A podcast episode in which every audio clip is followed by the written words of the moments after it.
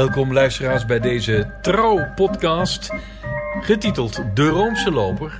Mijn naam is Christian van der Heijden. En ik ben Stijn Vens. En volgens mij is dit alweer de twintigste aflevering. Ik vind het uh, tijd voor een borrel. Jazeker. Nou, over vijf afleveringen dan gaan we dat extra memoreren.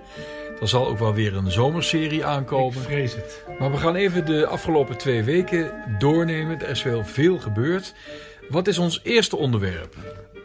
Nou, fijn dat je bij het eerste onderwerp begint. We gaan het eerst hebben over de voortdurende discussie over de communie voor protestanten in de Duitse Rooms-Katholieke Kerk.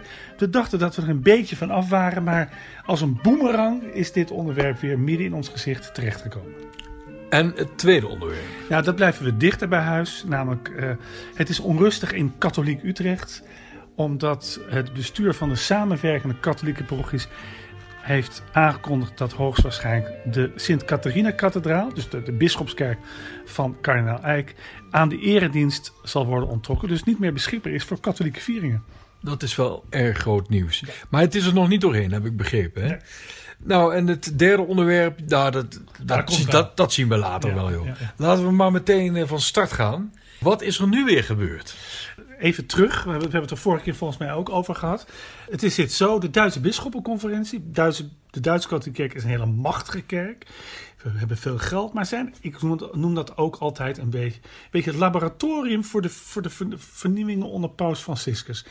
De Duitse bisschoppen zijn bij elkaar gekomen en hebben een in meerderheid een document aangenomen. Drie kwart. Drie kwart. Die het mogelijk moet maken, die de mogelijkheden moet verruimen om aan protestantse echtgenoten en echtgenotes uh, van katholieken de communie uit te reiken. In Duitsland in die zin wel een wat belangrijker, een groot probleem dan in Nederland. Want er zijn heel veel gemengde huwelijken daar. Katholieken getrouwd met Lutheranen. Nou, dat, dat, heel veel, speelt daar nog veel meer dan hier. Nou, dit, dat hebben ze gedaan. Maar wat je zegt, in meerderheid, drie kwart. Maar een kwart was het dus niet eens met dat besluit. Die hebben een beroep gedaan op Rome.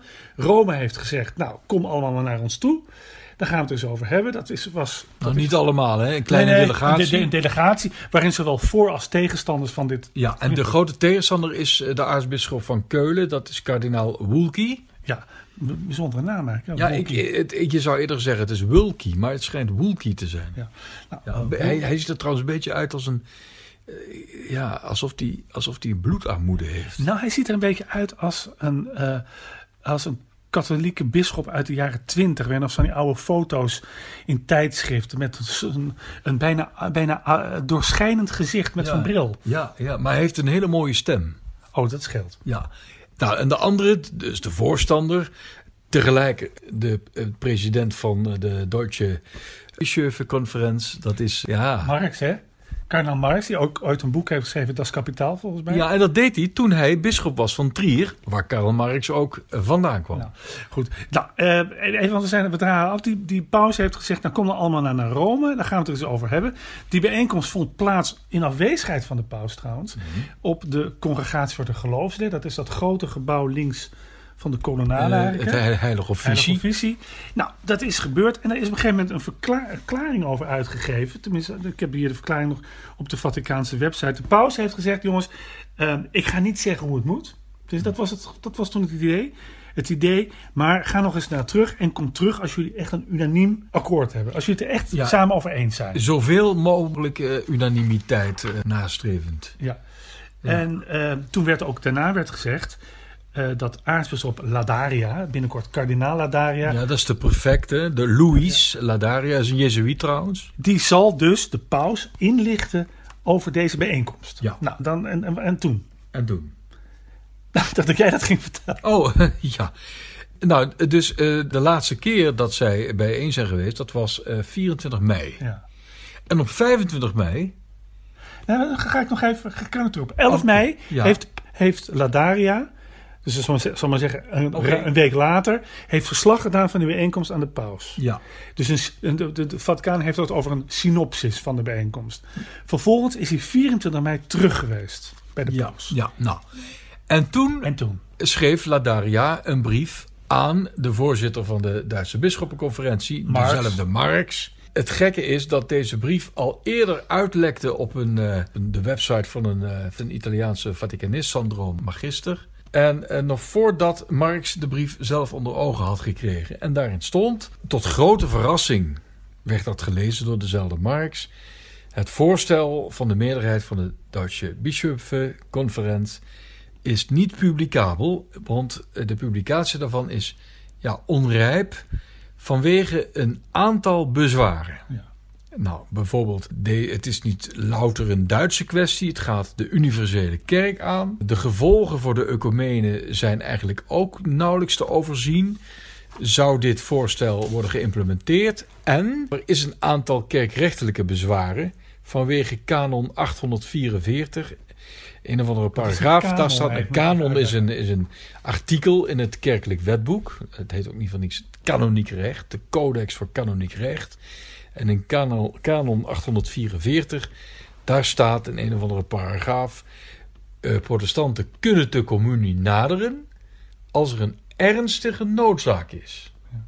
Nou ja, en Wilkie zegt: sorry, maar het feit dat jij als protestant getrouwd bent met de katholiek, dat is niet een heel ernstige noodzaak. Ik zou zeggen, het is heel ernstig natuurlijk, want een familie kan, ja, daar kan een enorm schisma ontstaan binnen een gezin. Maar dat wordt toch eigenlijk niet gezien als een ernstige noodzaak. Ja. Nou ja, maar dit is natuurlijk, Christian laten we wel zeggen, dit is allemaal heel vreemd. Dit, uh, dit, zeg maar, een maand geleden komen die bisschoppen naar Rome.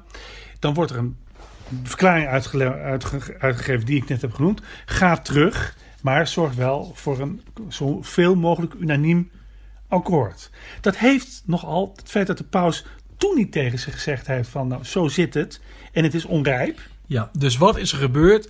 Ik heb daar zo wel mijn gedachten nou, bij. Ik wil eerst wel even zeggen van, wat, wat heeft het allemaal toe geleid? Een hoop consternatie. Ja. En laten we, laten we wel zijn, de reactie van onze kardinaal Eijk. Juist, want die zei, ja maar luister, de paus had hier iets over moeten zeggen. En dat heeft hij nu wel gedaan eigenlijk, de paus. Want de brief van Ladaria, gedateerd op 24 mei, is met volledige instemming uh, van de paus, dus aan Marx gericht. En je zou eigenlijk kunnen zeggen, ja tenminste, of je dat kunt zeggen weet ik, maar dat is een beetje mijn hypothese. Uh, ik denk dat de kritiek van uh, kardinaal Eijk en de zijnen, dat op een of andere manier dat dat, dat, dat, daar, dat, dat in Rome goed is gevallen dat, ze, dat, ze, dat men daar heeft erkend. Ja, de criticasters die hebben gewoon een punt. Maar hoe weet je dat? Dat weet ik niet, maar dat is, ik kijk naar een verschijnsel. En net zoals Sherlock Holmes ga ik bepaalde uh, afleidingen doen op basis van de verschijnselen. Dus, dus ja, uh, dus uh, ik, ik, heb geen bewijzen voor de oorzakelijkheid daarvan. Maar het is wel heel typisch dat namelijk de kritiek loog er niet om, niet alleen van Eijk, maar ook van Müller, maar ook van andere bisschoppen, op de paus. Kijk, de paus heeft er eigenlijk helemaal geen uitspraak over gedaan. Die heeft alleen gezegd: Ik doe er geen uitspraak over. Punt. Maar nu laat die Ladaria zeggen: Ja, het gaat gewoon niet door het feest. En dat is gewoon heel vreemd. En dat is volgens mij niet anders te verklaren dan dat uh, die criticasters gewoon raak hebben geschoten. Maar hij zegt, uh, communie voor protestanten uh, die met een katholiek getrouwd zijn, vereist verdere studie. En uiteindelijk zegt hij nu, voorlopig verandert er niks en wordt, is het aan de bisschoppen om per kwestie per zaak te beslissen. Ja, maar dat mocht altijd al. Ja, dus eigenlijk niks veranderd. Nee, maar de studie gaat het er nu over. Die studie, kijk, hij zegt eerst: het is niet alleen een Duitse kwestie. Maar het is een universele kwestie. Dit vergt nadere studie. En waar ze dan mee komen, hè, want ik denk dat ze uiteindelijk in de najaarsvergadering van de Duitse Bisschoppenconferentie, dat dat een case-studie wordt. Ja, en als de paus zegt, nou, daar zie ik wel wat in, dan moet de paus de kerkelijke wet veranderen. Dan moet er een nieuwe kanon komen. En ik denk dat dat gaat gebeuren. En dat is een enorme sprong voorwaarts in de ecumene. Laten we wel wezen sprong voorwaarts. Anderen zullen wel zeggen, ja, maar dan loopt ook weer het hele geloof in de, in de, eh, in de, in de Eucharistie weer gevaar. Enfin, dat moeten ze dan maar uitvechten. Maar dit is wel een hele interessante, maar merkwaardige ontwikkeling. Nou, wat ik ook wel interessant vind, dat las ik ergens op internet. Kijk, deze paus wordt altijd neergezet als de paus van de collegialiteit. Hè? Die benadrukt, ik, ik, ik, ik regeer die ik, ik beslis niet alleen, maar ik doe dat in, in, in, gemeenschap met alle bisschoppen over de hele wereld. En in feite is dit nu een, een voorbeeld van collegialiteit, maar anders dan mensen die harder willen lopen dan de paus begrijpen. Namelijk, hij zegt nee, als een kleine minderheid, als een minderheid tegen is, dan moet je ook terug. Ja, dan moet je ook terug, want dat, dat hoort ook bij synodaliteit. Overigens, dat de paus regeert samen met het wereldepiscopaat laten we wel wezen, hij kiest de juiste mannetjes op de juiste posities in die, hè, op die synodes. En eh, uiteindelijk is alles al bekonkeld. En er is wat dat betreft weinig veranderd. De paus wilde het zo en hij wilde dat niet zo, omdat er wat bisschoppenconferenties er ook zo over dachten. dus de paus regeert echt wel alleen hoor. En de rest vind ik een beetje, ja, synodaliteit voor de bühne. Eh, sorry, misschien zie ik het helemaal verkeerd, maar eh, maar in ieder geval wekt hij toch wel ehm, dit vermoeden. Ja, maar één ding nog. Ik vind het toch geen, niet blijk geven van krachtig bestuur. Wat vind jij? Nee, dat vind ik eigenlijk ook niet. Ik vind dit eigenlijk toch een, dat er nog, nog zo'n brief eh, wordt gestuurd. Hè, die uh, Marx heeft laten verklaren dat hij überrascht was. Dat vind ik eigenlijk ook geen goed teken van stuurmanschap. Ehm, want uh, die Marx heeft best wel veel meegemaakt en die is niet zoveel geüberrascht. Hij zit toch heel dicht bij het vuur. Marx is lid van de Kroonraad, de C9. En die uh, wordt dan nog, nog even vanuit Rome überrascht. Dat, dat had eigenlijk niet mogen gebeuren. Uh, ik kreeg een mail van iemand en die schreef mij... Stijn, is het niet zo dat Eijk, Woelki en Muller gewoon gewonnen hebben? Daar, eh, ja, daarvan zou je kunnen zeggen dat dat het geval is. Maar het feit dat de paus wel zegt er moet nog nader eh, naar worden gekeken. Hij heeft nooit gezegd niet. Ja, het is nu nog, het is nog onrijp. En als je de metafoor van de rijpheid gebruikt, dan zeg je ook dat een vrucht uiteindelijk wel rijp kan worden. Goed, genoeg hierover. Als ik boven op de toon kom, kijk ik even naar beneden. Dan zie ik het oude graagje, het Vreeburg en Wijkzee. Ja, dan springt mijn hartje open. Ik ben trots, ik wat. Er is geen mooier plekje als Utrecht mijn staat. Als Utrecht mijn stad. Ze zingen in ons... Stijn, jij woont in de mooie stad Utrecht, maar wat is dat er allemaal aan de hand? Ja, ik heb het dan vooral over katholiek Utrecht, hè, want we kunnen ook gaan praten over... Bestaat dat nog? Nou, dat is een goede vraag. Um, ik heb kant, we kunnen het ook gaan hebben over de metamorfose van Hoogkaterijnen. Het mooie nieuwe Tivoli, wat al een, een eh, aantal jaren weer floreert. Eh, de, het gezeur rond eh, die Uithoflijn, die, die tramlijn. Maar ik heb het over katholiek Utrecht. Um, er is al een aantal jaren hè, door de bisschop, bisdomleiding, kardinaal Eijk onder andere, gezegd we moeten gaan reorganiseren. Dat wil zeggen, er zijn eigenlijk te veel kerken voor de gelovigen die nu nog elke zondag of in een weekend naar de mis gaan. Nou, laten we zeggen, grofweg kunnen zeggen dat we het nog over 13 kerken hebben waarover beslist moet worden. Um, en daar één daarvan is de kathedraal. Nou, er is een aantal jaar geleden een, een soort stadssynode gekomen door, uh, onder de begeesterde leiding van een nieuwe pastoor, Ton Huiting. Die zei, we gaan, ik, ik, ga, ik ga niet van bovenaf beslissen dit en dat, maar ik wil de mensen meenemen in dit proces. Dus hoe, hoe, kunnen we nog present zijn als katholiek in Utrecht? Maar dan kom je uiteindelijk ook bij gebouwen. Hè. Er moet een gebouwenplan komen. Nou, op een gegeven moment is gezegd: we denken dat we op termijn, binnen een paar jaar, van die 13 kerken er nog maar twee nodig hebben. Uh, Ton Huiting heeft bij mij in de krant wel eens gezegd: Nou, volgens mij gaan we uiteindelijk toen naar één kerk. Maar goed, twee kerken. Nou, uh, dus dat, is, dat, dat, proces is begonnen. Er zijn er wat kerken dicht gegaan. Er staan wat kerken te koop. Uh, dichtgaan bedoel ik in de zin van dat hij aan de eredienst ontrokken is. Hè. Er wordt altijd gezegd, Eik sluit de kerk. Nee, wat is het zo? Een parochiebestuur besluit of een kerk uh, op termijn niet meer voor katholieke vieringen wordt ingezet. En vraagt dan aan de bisschop, zoals dat zo mooi heet, om een, om een uh, kerk aan de eredienst te onttrekken. En uiteindelijk laat dat, na een proces, leidt dat ertoe dat letterlijk Christus aanwezig in het Allerheiligste uit het tabernakel wordt gehaald. En de kerk wordt uitgetrokken. Dan is de kerk. En de, en de reliek uit het altaar. En de reliek uit het altaar. En dan is de kerk. Er mag ook geen katholieke missen worden opge, worden, worden opgedragen. Nou, nou, wat, en wat nou hangt er al de hele tijd in Utrecht het idee, hoor je al, uiteindelijk zal ook de kathedraal van Eijk, dus de bisschopskerk, dat, daar is hij geïnstalleerd als bisschop. Daar staat ook zijn bisschopszetel. Dat zijn kathedraal. Zijn kathedraal, zijn kathedraal, kathedraal. Dat is de hoofdkerk eigenlijk van het bisdom. Daar worden de priesters gewijd. Daar worden de bisschoppen desnoods gewijd. Of wordt de bisschop geïnstalleerd. Daar komt de bisschop eigenlijk bij elkaar met zijn priesters en zijn pastoraal werkers. Die gaat ook dicht. Maar dat hing de hele tijd in de lucht. Het was niet duidelijk, gaat het gebeuren? Ja, ik, ik heb het een keer uh, gevraagd aan uh, de persvoorlichter. En die zei, dat was in maart geloof ik. Oh, daarvan weten wij helemaal niets. Nee. Nou, en nu, nu dus wel. Uh, vorige week, hè, dus eigenlijk, eigenlijk inmiddels al tien dagen geleden, na afloop van de mist in die Sint-Catharina-kathedraal, een mooie laat-gotische kerk, laat-gotische kerk, kloosterkerk uiteindelijk, hè, uh, hoort natuurlijk bij dat Catharina-klooster, dat nu voor een groot deel het Catharijnenconvent is. Het museum. Het museum, een mooi museum. Mooi Rijksmuseum. Rijksmuseum.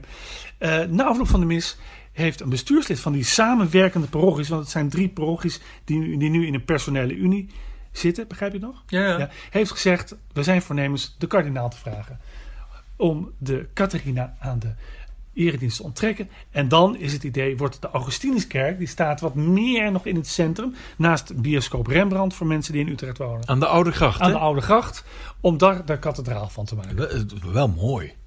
Ja, maar daar, daar, nou goed, hij, hij, ligt veel centraler. Hij ligt veel centraler, maar, maar bijvoorbeeld, hij is niet geschikt als kathedraal. Waarom niet? Omdat hij, uh, het priesterkoor is niet groot genoeg. Dan moet je echt, uh, er moet gewoon een bischopszetel worden neergezet. Er moet, om priesters echt te wijden, moet je ook ruimte hebben. Dan moet je zeggen, er moeten banken uit. En hij is in niet zulke goede staat. Sterker nog, er is een aantal jaar geleden iets van het plafond naar beneden gevallen. Gelukkig geen doden gevallen.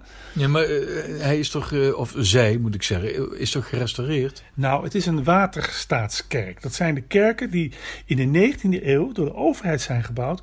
Eigenlijk tijdelijke kerken. Hmm. Dus, dus, dus Klassicistisch, hè? Ja, ja, voor 50 jaar of zo. Ja. Uh, nou, dus je hoort, je hoort de gewildste verhalen over de Augustinus dat die niet in goede staat zijn. Maar hoe komt dat nu dat we al die verhalen horen? Dat de parochiegemeenschap Hè, dus de gemeenschap van, van de Catharina, hè, dat zijn, uh, die daar elke week komen, die zijn natuurlijk verdrietig en woedend. Eigenlijk een beetje woedend dat uh, een kerk met zo'n geschiedenis, hè, het was eigenlijk, is het ook nog eens de enige uh, katholieke kerk in de middeleeuwse kerk in katholieke handen is. Hij is eigenlijk meteen na, de herstel, na het herstel van de bisschoppelijke hiërarchie in de midden 19e eeuw teruggegeven. Veel kerken waren er trouwens niet in Utrecht.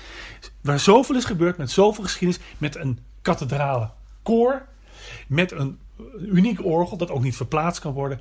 Uh, die kun je niet aan de eredienst onttrekken. En ze zeggen ook de argumenten die het parochie, parochie uh, gebruikt. Namelijk, jongens, we moeten bezuinigen.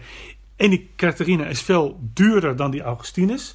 Dat deugt ook niet, want die Augustinus die is duur in het onderhoud. Die, nou, ik wil niet zeggen dat hij op instorten staat. Maar als je sommige mensen eh, hoort, dan denk je dat wel. Is het denkbaar dat, uh, dus wat jij zegt, de Augustinus is niet geschikt. En stel dat inderdaad de Catharina aan de eredienst uh, moet worden ontrokken, dat dan de zetel van Utrecht, die zal altijd de zetel van Utrecht blijven heten, dat die dan zal worden verplaatst naar een andere stad in het aartsdiocees. Bijvoorbeeld Apeldoorn. Maar dat durf ik niet te zeggen. Maar ik kan, maar, ik kan weet wel dat als het gaat om het bisdom Breda...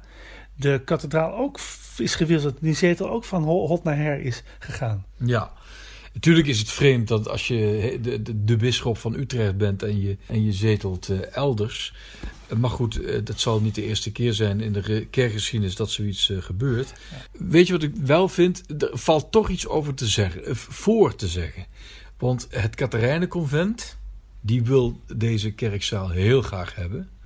Dit Rijksmuseum, over scheiding van kerk en staat gesproken, wordt al heel vaak gebruikt als een soort aula. Ja dat is, dus die Catharina-kathedraal? Ja, de Catharina-kathedraal wordt gebruikt als een aula voor een museum. Dat zijn, dat zijn heel vaak lezingen voor het museum. En ja, ik, ik, eigenlijk vind ik dat dat niet, dat dat geen taak is voor een kathedrale kerk. En ik heb het idee dat eh, de kardinaal ook veel te ver weg woont. Dat hij daar ook niet eens vaak binnenkomt lopen zomaar. Uh, wordt het nog wel gebruikt door de kapittelheren, door de kanunniken? Nou, ik, eh, ik, ik, zie, ik, ik, ik, moet zeggen, ik kom er ook niet elke week. Ik heb ze daar niet gezien. Maar wat er natuurlijk achter zit, is dat het in. En dat moet wel het chagrijn toch bij de, kat, gelovigen, de katholieken van Utrecht. er was een pastoor, Ton Huiting, die dat reorganisatieproces leidde. Die werd van, een, van het een op het andere moment overgeplaatst. en waarom eigenlijk? Dat weet hij zelf eigenlijk ook nog niet goed. Als ik, als ik althans hem goed moet begrijpen. Daar komt dit bovenop. Eik krijgt natuurlijk van alles de schuld. Dat is makkelijk. ja, want, want, want even voor alle duidelijkheid. Niet de kardinaal wil dit, ja. maar het parochiebestuur. Ja, maar er wordt dan gefluisterd. Uh, ach, hij vindt het toch een lelijke kerk en hij heeft er nooit meer gehad. Nou, dat heb ik nergens kunnen, nergens kunnen terugvinden. Wat iedereen, kijk, wat Eikse analyse is: we hebben minder kerken nodig. Als ik naar de toekomst kijk, ik denk dat hij daar gelijk in heeft. Wat, gaat er dan, wat, wat er dan altijd het geval is bij kerksluitingen. De katholieken zelf in Utrecht zien natuurlijk ook, en overal in Nederland zien natuurlijk ook wel dat het niet goed gaat. Ze zijn, vinden het best dat de kerken dicht gaan, maar nooit hun eigen kerk. Ja, dat is waar, ja. ja, ja. Dus ze zijn voor kerksluitingen, maar nooit hun eigen kerk. Ja, ja. Ik, ik zelf, als ik je toch even mijn persoonlijke mening in deze podcast mag geven. Graag. Ik zou het toch mooi vinden als de Catharina behouden bleef vanwege de geschiedenis. Ja. En ik, uh, ik vind hem eigenlijk ook wel mooi.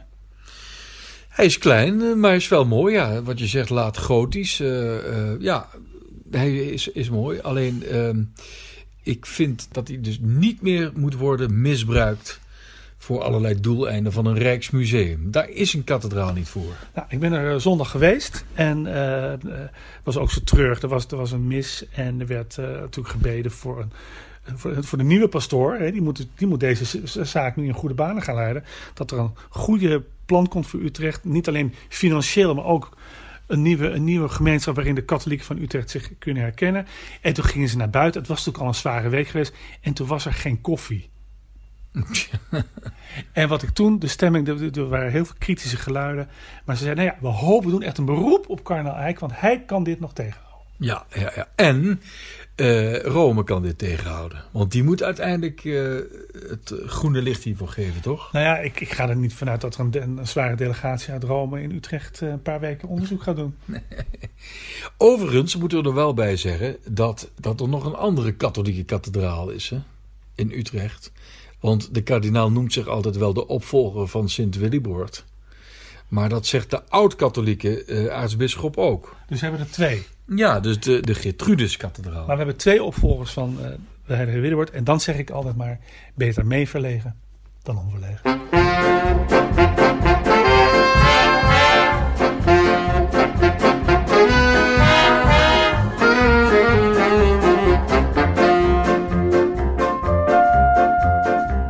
Ja, Stijn. Het schijnt dat de bisschop van Maastricht op zondag 3 juni is gesignaleerd in Maastricht. Ik zou bijna zeggen, het werd tijd. Ja, wat is hier het geval? Deze bisschop van Maastricht, eigenlijk een aartsbisschop van Maastricht, een titulair aartsbisschop van Maastricht, was de eregast bij de tweede ommegang van de heiligdomsvaart. Ben je trouwens in Maastricht geweest om te gaan kijken? Nee, ik moest in Utrecht zijn bij de Catharina-kathedraal. Juist, ja. Ik had ook geen tijd en dat, daar baal ik eigenlijk weer van. Nu moeten we weer zeven jaar wachten. Maar goed, het schijnt fantastisch geweest te zijn. In ieder geval, eregast was een Poolse uh, prelaat. Dat was Waldemar Zammertaak. Mooie Duitse naam voor een Pool. Uh, en de, hij is de apostolisch nuntius in Nicaragua. En zijn titel is aartsbisschop van Maastricht oftewel trajectum ad Mozam. En uh, dat is. Mozam is dan de Maas. Mozam is dan de Maas, inderdaad. En u weet dat misschien wel, luisteraars, uh, als er ooit bisdommen zijn geweest die later zijn opgeheven, dan blijft de, de, de naam van de zetel toch intact en die wordt dan gegeven aan, aan, aan, aan, aan bisschoppen die geen zetel hebben. Dat worden dan de titularissen van niet bestaande zetels. Gijssen is ooit uh, titulair bisschop geweest van Maastricht. Ook Moors. En ieder geval. Ja, Moors. Die, Die, die, detective. Nee, Moors. Niet Moors. Moors. Deze zomertaak is Apostolius Nuncius in Nicaragua. Nou, nou, nou. In Nicaragua is er ook van alles aan de hand. Die Daniel Ortega, de voormalige Sandinistenleider, dat is echt een dictator aan het worden. In de jaren 70 was hij de grote tegenstander van de Somoza-dictatuur. En hij vond daarin een medestander, in een, een andere bisschop, we hebben het wel vaak over bisschoppen in deze podcast. maar goed, dat was Miguel Obando y Bravo, later kardinaal geworden. En die is dus onlangs overleden op 92-jarige leeftijd. En die is door diezelfde Daniel Ortega, die later echt de grote tegenstander was van deze kardinaal Obando, in 2016 uitgeroepen tot nationale held van vrede en verzoening in Nicaragua. Maar dat Nicaragua, dat, dat is echt verschrikkelijk. Er zijn al, al, al bijna 150 mensen overleden. Die, uh, die, die, die betogen tegen die Ortega. En ook de Jezuïeten die hebben geprotesteerd tegen het bewind. Nou ja, wie eigenlijk niet, de bisschoppen. Dus uh, het moet onze aandacht blijven hebben, want uh, het is toch een belangrijk land in Centraal-Amerika. Had jij, had jij nog wat nou, voor, ik, ik, wil wel wijzen dat volgende, voor de rondvraag. volgende week begint het wereldkampioenschap voetbal. En de, ik, ik, zag laatst ergens vermeld, prachtige uitspraak, dat voetbal de belangrijkste bijzaak ter wereld is. En volgens mij komt die uitspraak van Johannes Paulus II. De oh, paus. Heb je dat gecheckt? Ik heb het niet gecheckt. Pauls paus, paus tussen 1978 en 2005. En ik kan me herinneren dat hij ooit een mis heeft verplaatst... zodat iedereen naar het voetbal kon kijken. Nou, nou, dan, nou. Hij is eh, ook keeper geweest ooit. En, uh, ja, ja. ja, was keeper. De huidige paus dat is ook wel interessant. Die heeft zijn laatste keer dat de, de, de, de huidige paus ooit televisie heeft gekeken, was ook tijdens een WK. Dat was het WK van 1990 dat in Italië werd gehouden. Halve finale, Argentinië-Duitsland. Werd 1-0 van Duitsland door een goal van Bremen. En, dan ja, en toen heeft de paus volgens mij een afspraak met Maria gemaakt. Ik ga nooit meer televisie kijken. Dus de paus is in die zin, zou je kunnen zeggen, een beetje een slecht verliezer. maar, maar het aardige is dat, dat uh, juist in de aanloop naar het WK heeft onder verantwoordelijkheid van Paus Franciscus is er een document uitgekomen van het de Pauselijke Raad voor Cultuur. Die gaat over sport. Nou, daar, kan ik, daar ga ik niet van alles van zeggen. Maar het is wel mooi dat in de aanloop naar zo'n kampioenschap de pauze dan toch aan denkt. Nou, dat is wel mooi dat we zo'n document aan, uh, ja, en, ik heb het natuurlijk niet gelezen, want waar gaat het over? Niks zeggen. Sport is goed voor broederschap, voor de onderlinge maatschappelijke vrede. Uh, voor de, ja, dat is allemaal al zo voorspelbaar.